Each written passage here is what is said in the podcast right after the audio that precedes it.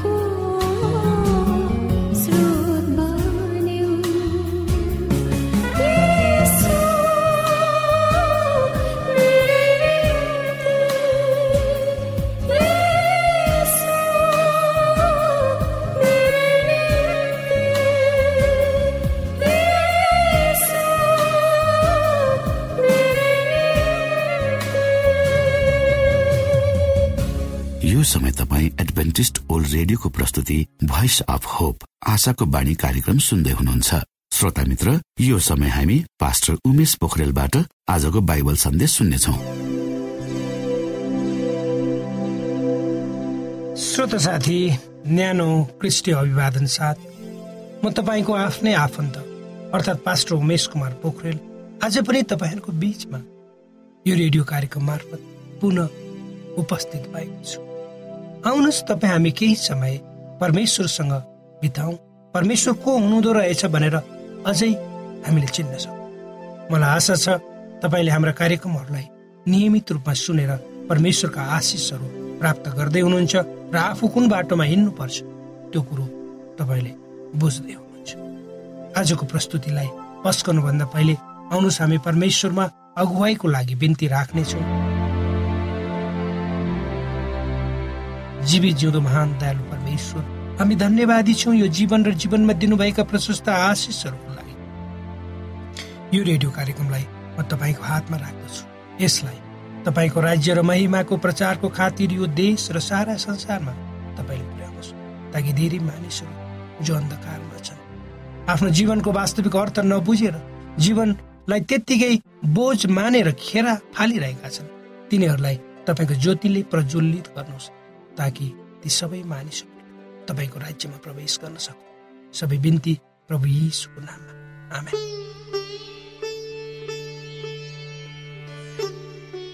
श्रोत साथी प्रेम शब्द सबैले चाहेको वा रुचाएको भाषा हो। जसलाई संसारमा बस्ने मानिस तपाईँ हामीले आफ्नै किसिमले व्याख्या र बुझ्ने पनि गरेका छौँ। संसारमा सबैभन्दा गलत रूपमा प्रयोग गरिएको शब्द पनि यही हो भन्दा अर्को अर्थ नलाग्ला। तर पनि यो संसार प्रेमकै कारणले अडिएको छ र प्रेमले गर्दा नै यो अगाडि बढिरहेको छ। यदि मानिसमा जन्तु जनावर पशु पक्षी र प्रकृतिमा प्रेम नहुँदो हो त के हुने थियो होला? कहिले अनुमान गर्नुभएको छ? निश्चय नै योभन्दा बाहिर अथवा बिना प्रेमले यो संसार र तपाईँ हामी आफूले आफैलाई कल्पना पनि गर्न सक्दैनौँ। एउटा दुधै बालक जसलाई उसकी आमाले हुर्काउँछिन् आफ्नो रगत चुसाएर आफूलाई वास्ता नगरेर आफ्नो होइन त्यही नानीलाई चुम्बन गरेर उसैको विषयमा सोचेर रात दिन झरी बादल नभने थकित नमाने। कसरी आफूलाई उत्सर्ग गर्छिन् त्यसको विषयमा सोच्दा प्रेमको गहिराई कति रहेछ भनेर हामी अनुमान गर्न सक्दैन। पुस माघको जाडो काठमाडौँ सहरका पेटीहरूमा काखमा नानीहरू राखेर बिख माग्दै गरेका आमाहरूलाई देख्दा मेरो मन रुन्छ कसरी ती बिचाराहरू आफ्नो शरीरमा कुनै बाक्लो कपडा नराखी कामदै आफ्नो काखमा भएको दुधे बालक कपडाले बेरेर कमजोर र क्षीण शरीरबाट दुध आए वा नआए पनि झर्को नमानी चुसाइरहेका हुन्छन्। त्यही प्रेमको उदाहरण हामी पशुहरूमा पनि देख्दछौँ। काठमाडौँका गल्ली। गल्लीमा सयौँ कुकुरहरू यताउति गरेको हामी सबैले देखेका छौँ। यी छाडा कुकुरहरूले जाडोको बेलामा धेरै बच्चाहरू जन्माउँछन्। अनि आफू कमजोर अस्वस्थ र भोको हुँदा हुँदै पनि मानिसहरूले फालेको फोहोरबाट आफूलाई केवल बचाउने मात्र यिनीहरूलाई असम्भव हुँदा हुँदै आफ्ना आठ नौवटा सन्तानलाई रात्रिको प्रचण्ड चिसोको चिसोबाट बजोगाउ आफू ओढ्ने भएर बचाउन खोज्दा खोज्दै कति बेला उनीहरू को सास जान्छ थाहा हुँदैन। यस्ता घटनाहरू हामी आफैले आफ्नै आँखाले देखेका छौँ र सुनेका छौँ। श्रोत साथी प्रेममा बलिदान हुन्छ प्रेमले आफ्नो होइन अरूको हित खोज्छ। प्रेमले मानिसलाई बाँच्ने ऊर्जा प्रदान गर्छ। यसले मानिसलाई उद्देश्य प्राप्तिको मार्गमा अगुवाई गराउँछ। जति बेसी प्रेम तपाईँ हामी अरूलाई दिन्छौँ बाँड्छौँ खन्याउँछौँ त्यति नै बेसी प्रेम र आशिष हामीले प्राप्त गर्दछौँ। परमेश्वर प्रेम त्यही प्रेमको कारणले नि उहाँ यो संसारमा आउनु त्यही प्रेमको कारणले नि गर्दा उहाँ कलभरी क्रुसमा बलि हुनुभयो। त्यहाँ भन्दा त्यो भन्दा ठुलो प्रेम अरू के नै हुन्छ? आज त्यही परमेश्वरको प्रेम हामीबाट प्रकट भएको उहाँ चाहनुहुन्छ। हामीले त्यही प्रेम बुझेको उहाँ चाहनुहुन्छ। यसै सन्दर्भमा पावल प्रेरित एपिसीका विश्वासीहरूलाई लेखेको आफ्नो पत्रमा लेख्छन् परमेश्वर जो कृपामा धनी हुनुहुन्छ उहाँले आफ्नो महान प्रेमद्वारा हामीलाई प्रेम गर्नुभयो।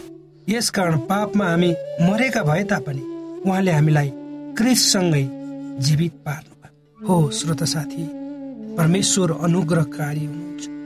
हामी पापी हुँदा हुँदै पनि हामी आफ्नै पनमा स्वभावमा वा बाटोमा हिँड्दा हिँड्दै पनि उहाँको अनुग्रह र प्रेम हामीमा सदैव खनिन्छ। उहाँ हामीलाई आफ्नो बाहुलीमा समेट्न चाहनुहुन्छ। उहाँ हामीसँग हिँड्न मन पराउनुहुन्छ। हामी उहाँको हौ भन्ने कुराको आवाज उहाँ सधैँ दिन चाहनुहुन्छ। श्रोत साथी सैतान जो दुष्ट छ जसले कहिले पनि तपाईँ हामीले आफ्नो जीवनलाई सुख शान्ति र आनन्दमा बिताएको हेर्न चाहँदैन। ऊ त सदैव तपाईँ हाम हाम्रो बिच ऊ त सदैव तपाईँ हाम्रो जीवनमा विभिन्न किसिमका अप्ठ्याराहरू समस्याहरू बाधाहरू र विभिन्न किसिमका शङ्खा उपशङ्खाहरू लिएर आउँछ र परमेश्वरको प्रेम र त्यसको मिठो स्वादको अनुभव गर्न नदिई आफ्नो सैद्धान्तिक पन्जाले हामीलाई परमेश्वरको बाटोबाट टाढा लाने प्रयास गर्दछ। र कतिपय अवस्थामा हामीलाई आफ्नो बसमा पार्न सफल पनि हुन्छ। सैतान विभिन्न माध्यमद्वारा हाम्रो हृदयमा पस्छ। हामीलाई परमेश्वरको बारेमा गलत रूपमा बुझाउँछ। अनि त हामी मानिसहरू स्वभाव अनुसार छिट्टै कुनै कुरा हासिल गरिने भयो भनेर उसको लडाई फकाइमा परेर आफ्नो जीवनलाई उसमा समर्पण गरेर दास बन्न तयार हुन्छ।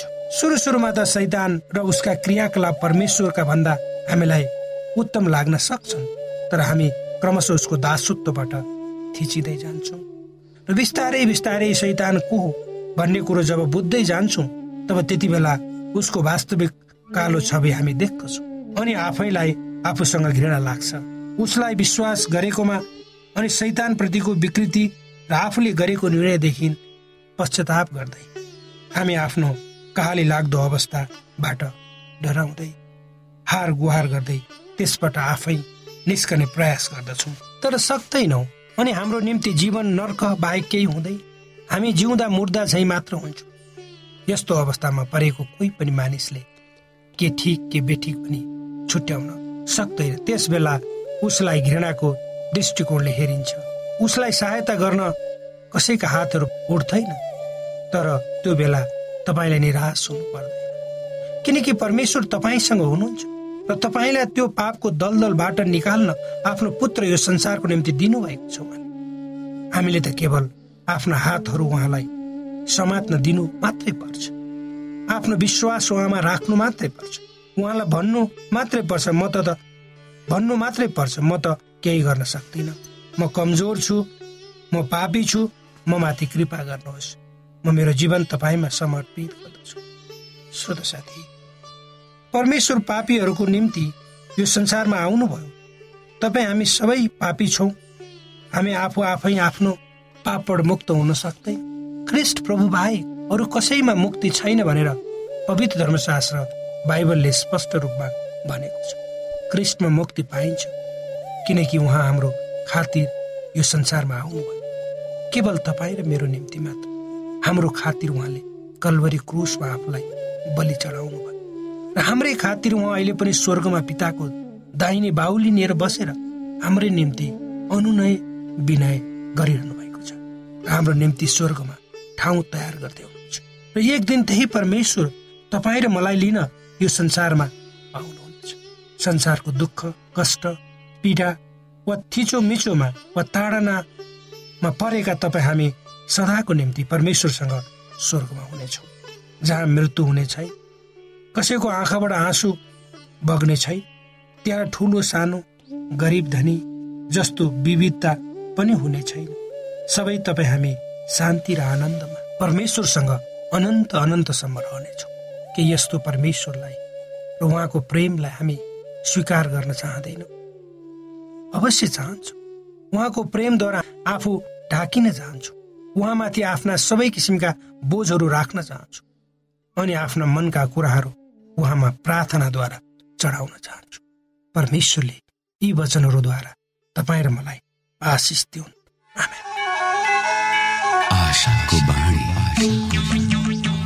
श्रोता भर्खरै यहाँले पास्टर उमेश पोखरेलबाट बाइबल वचन सुन्नुभयो। यो समय तपाईँ एडभेन्टिस्ट ओल्ड रेडियोको प्रस्तुति भोइस अफ होप आशाको बाणी कार्यक्रम सुन्दै हुनुहुन्छ। कार्यक्रम सुनेर बस्नुहुने सबै श्रोतालाई हामी हाम्रो कार्यक्रममा स्वागत गर्न चाहन्छौ। श्रोता मित्र यदि तपाईँ जीवनदेखि हरेस खानु भएको छ तपाईँका जीवनमा धेरै अनुत्तरित प्रश्नहरू छन् भने आउनुहोस् हामी तपाईँलाई परमेश्वरको ज्योतिमा डोहोऱ्याउन चाहन्छौ र तपाईँ आफ्नो जीवनका चिन्ता फिक्रीबाट निश्चिन्त हुनुहोस् र बाँच्नुको आनन्द परमेश्वरको सामिप्यमा कति मिठो हुन्छ त्यो चाख्नुहोस् भनी हामी चाहन्छौँ। श्रोता यदि तपाईँ आशाको बाणी कार्यक्रमलाई अनलाइन सुन्न चाहनुहुन्छ वा डाउनलोड गर्न चाहनुहुन्छ भने डब्लु डट एडब्लुआर डट ओआरजीमा जानुहोस्। त्यहाँ तपाईँले प्रत्येक दिनको कार्यक्रम सुन्न र डाउनलोड गर्न सक्नुहुनेछ। हाम्रो वेब पेज यस प्रकार छ W dot AWR dot ORG श्रोता यदि तपाईँ हामीसित सिधै फोनमा सम्पर्क गर्न चाहनुहुन्छ भने हाम्रा नम्बरहरू यस प्रकार छन्। अन्ठानब्बे एकसाठी पचपन्न शून्य एक सय बिस। अन्ठानब्बे एकसाठी पचपन्न शून्य एक सय बिस। र अर्को अन्ठानब्बे अठार त्रिपन्न पन्चानब्बे पचपन्न। अन्ठानब्बे अठार त्रिपन्न पन्चानब्बे पचपन्न। श्रोता मित्रहरू ख्रिस्ट यसुको नाउँमा न्यानो अभिवादन जय मसिंह। म तपाईँहरूको साथी उमेश यमन थापा सदा झै आज पनि तपाईँहरूको रेडियो सेट सामु उपस्थित भइसकेको छु। श्रोता मित्रहरू आज हामी यसु ख्रिस्ट र अन्त्यका दिनको बारेमा केही जानकारी हासिल गर्नेछौ। यसु ख्रिस्ट र अन्तका दिनहरू।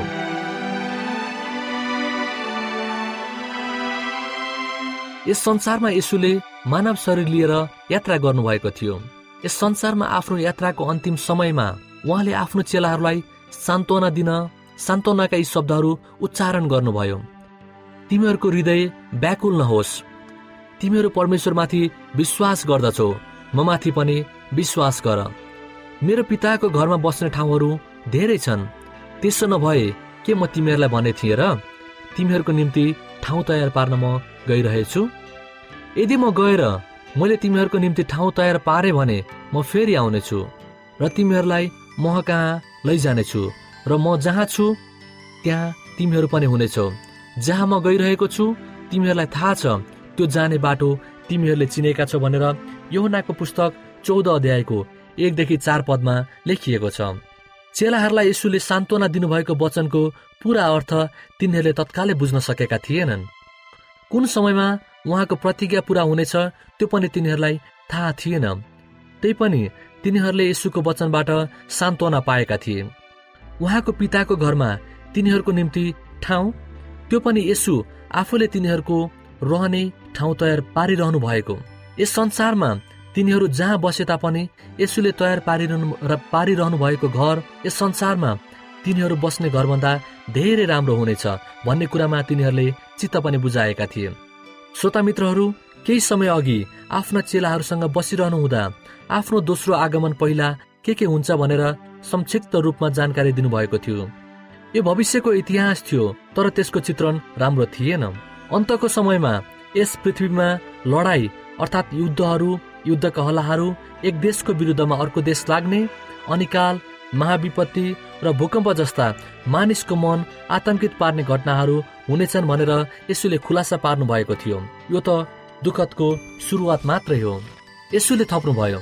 यसुलाई विश्वास गर्नेहरूलाई सतावट दिइनेछ। इसाई इसाईहरूको बीचमा विश्वासघात गद्दारी र धोका दिने काम हुनेछन्। अनेकन जालझेल र छलमा परेर मानिसहरूको जीवन उथल पुथल हुनेछन् र दुःख कष्ट आदिमा मानिसहरूलाई आतंकित बनाउने घटनाहरू त केवल केही मात्र हुन् भनेर यसुले संसारका दुःख लाग्दो भविष्यवाणी गर्नुभएको थियो। यसबारे बुझ्न हामीले प्रकाशको पुस्तक बाह्र अध्यायको छ चौध र गन्तीको पुस्तक चौध अध्यायको चौतिस पदमा पनि हेर्न सक्नेछौ। यो समय सन् पाँच सय अडतिसमा सुरु भएको थियो र अठारौँ शताब्दी अर्थात् सत्र सय अन्ठानब्बेमा अन्त भएको थियो।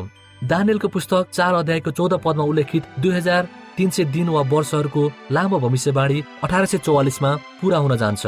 हामी अन्तिम दिनहरूमा बाँचिरहेका छौँ भन्ने कुरामा हामी विश्वास गर्दछौँ। यस संसारको अन्त्यको चरम बिन्दु यसुको दोस्रो आगमन हो। त्यो दिन हामीलाई थाहा छैन तर जे हुनेछ त्यो थाहा पाउनु आवश्यक छ र जब हुनेछ तब त्यसको लागि हामी तयार हुनुपर्छ। अब कसरी तयार हुने त? त्यसको उत्तर पावलले राम्रोसँग कलसीको पुस्तक दुई अध्यायको छ पदमा दिनुभएको छ। जसरी तिमीहरूले यसु ख्रिस्टलाई ग्रहण गर्यो त्यसरी नै तिमीहरू उहाँको चालमा चल। यस संसारको अन्त्यमा अन्त्यको बारेमा धेरै मानिसहरूले अनेकौँ अड्कल लगाइरहेको सन्दर्भमा र यस संसारमा भइरहेको अनेकौँ घटनाहरूले हामीहरूलाई च्यापिरहेको अवस्थामा ती घटनाहरू मात्र अल्मलिएर बस्न हामीलाई सजिलो हुन्छ। तर घटनाहरूको चरमबिन्दु के हो त? भन्दा यसुको पुनरागमन हो। घटनाहरूको लागि होइन उहाँको आगमनको निम्ति हामी सधैँ तयार हुनुपर्छ। संसारमा हुने विभिन्न घटनाहरू र तिनीहरूको सामना गर्दै यसुको आगमनको निम्ति हामी कसरी तयार भएर बस्ने त? हो ऐतिहासिक मिति संसारमा भएको विभिन्न घटनाहरू र बाइबलले बताए अनुसार चलिरहेको विश्वको इतिहास हेर्न जरुर छ जरुरी छ। तैपनि यस परिपक्षमा बाइबलले यसुको बारेमा चर्चा गर्दछ। उहाँ को हुनुहुन्छ? हाम्रो निम्ति उहाँले के गर्नुभयो? उहाँले हाम्रो निम्ति के गर्नुहुन्छ?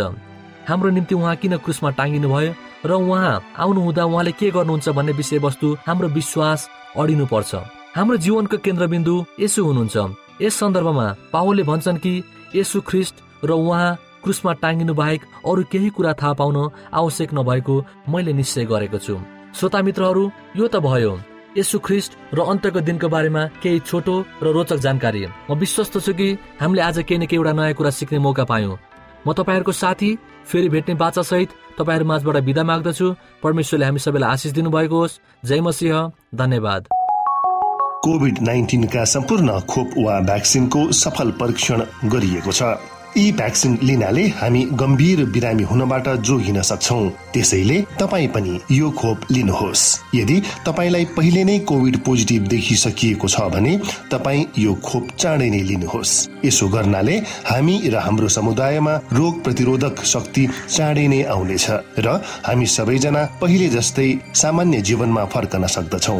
युनेस्को डब्लुएचओ र रेडियो कार्यक्रम आशाको बाणीबाट जनहितमा जारी सन्देश।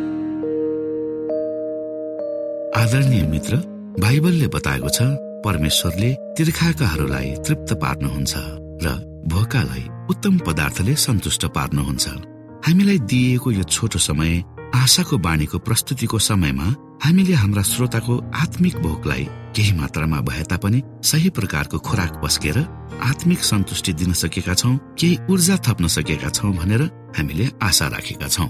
आफ्ना मनमा भएका केही दुविधा र शङ्काहरू छन् भने अवश्य हामीसँग बाँडेर शङ्काको निवारण गर्नुहुनेछ र सही प्रकारको बाटो पहिलाउन सक्नुहुनेछ परमेश्वरको सच्चाइले अझ राम्रो बुझ्न सक्नुहुनेछ र आफ्नो जीवनलाई परमेश्वरमा पूर्ण समर्पित भएर समर्पण सहितको जीवन बिताउन सक्नुहुनेछ भनेर आशा राख्दै अब हामी हाम्रो कार्यक्रम सकिएको जानकारी यहाँलाई गराउन चाहन्छौ। जानुभन्दा अगाडि श्रोता हामी यहाँलाई हाम्रो ठेगानाको विषयमा जानकारी गरौं। हामीसँग पत्राचार गर्ने हाम्रो ठेगाना यस प्रकार छ। आशाको बाणी पोस्ट बक्स नम्बर दुई शून्य शून्य शून्य दुई काठमाडौँ नेपाल। आशाको बाणी पोस्ट बक्स नम्बर दुई शून्य शून्य शून्य दुई काठमाडौँ नेपाल। यसै गरी श्रोता यदि तपाईँ हामीसँग सिधै कुराकानी गर्न चाहनुहुन्छ भने हाम्रो फोन नम्बर यस प्रकार छ। अन्ठानब्बे एकसाठी पचपन्न शून्य एक सय बिस। अन्ठानब्बे एकसाठी पचपन्न शून्य एक सय बिस र अर्को अन्ठानब्बे अठार त्रिपन्न पन्चानब्बे पचपन्न। अन्ठानब्बे अठार त्रिपन्न पन्चानब्बे पचपन्न। हामीलाई इमेल पनि गर्न सक्नुहुन्छ। हाम्रो इमेल एड्रेस यस प्रकार छ Nepal at AWR dot ORG Nepal at AWR dot ORG यदि तपाईँ हामीलाई अनलाइन सुन्न चाहनुहुन्छ वा डाउनलोड गर्न चाहनुहुन्छ भने तपाईँ डब्लु डट एडब्लुआर डट ओआरजीमा जानुहोस् र त्यहाँ तपाईँले हाम्रा सबै कार्यक्रमहरू सुन्न सक्नुहुनेछ। हाम्रो वेब पेज यस प्रकार छ W dot AWR dot ORG श्रोता यसमा गएर तपाईँले हाम्रा दैनिक कार्यक्रमलाई सुन्न सक्नुहुनेछ र डाउनलोड पनि गर्न सक्नुहुनेछ। हवस् त श्रोता हाम्रो कार्यक्रम सुनिदिनु भएकोमा एकचोटि फेरि यहाँलाई धन्यवाद दिँदै भोलि फेरि यही स्टेशन यही समयमा यहाँसँग भेट्ने आशा राख्दै प्राविधिक साथी राजेश आडा पास्टर उमेश पोखरेल र कार्यक्रम प्रस्तुता म रवि यहाँसँग विदा माग्दछौ। परमेश्वरले तपाईँलाई धेरै धेरै आशिष दिनु भएको होस्। नमस्कार।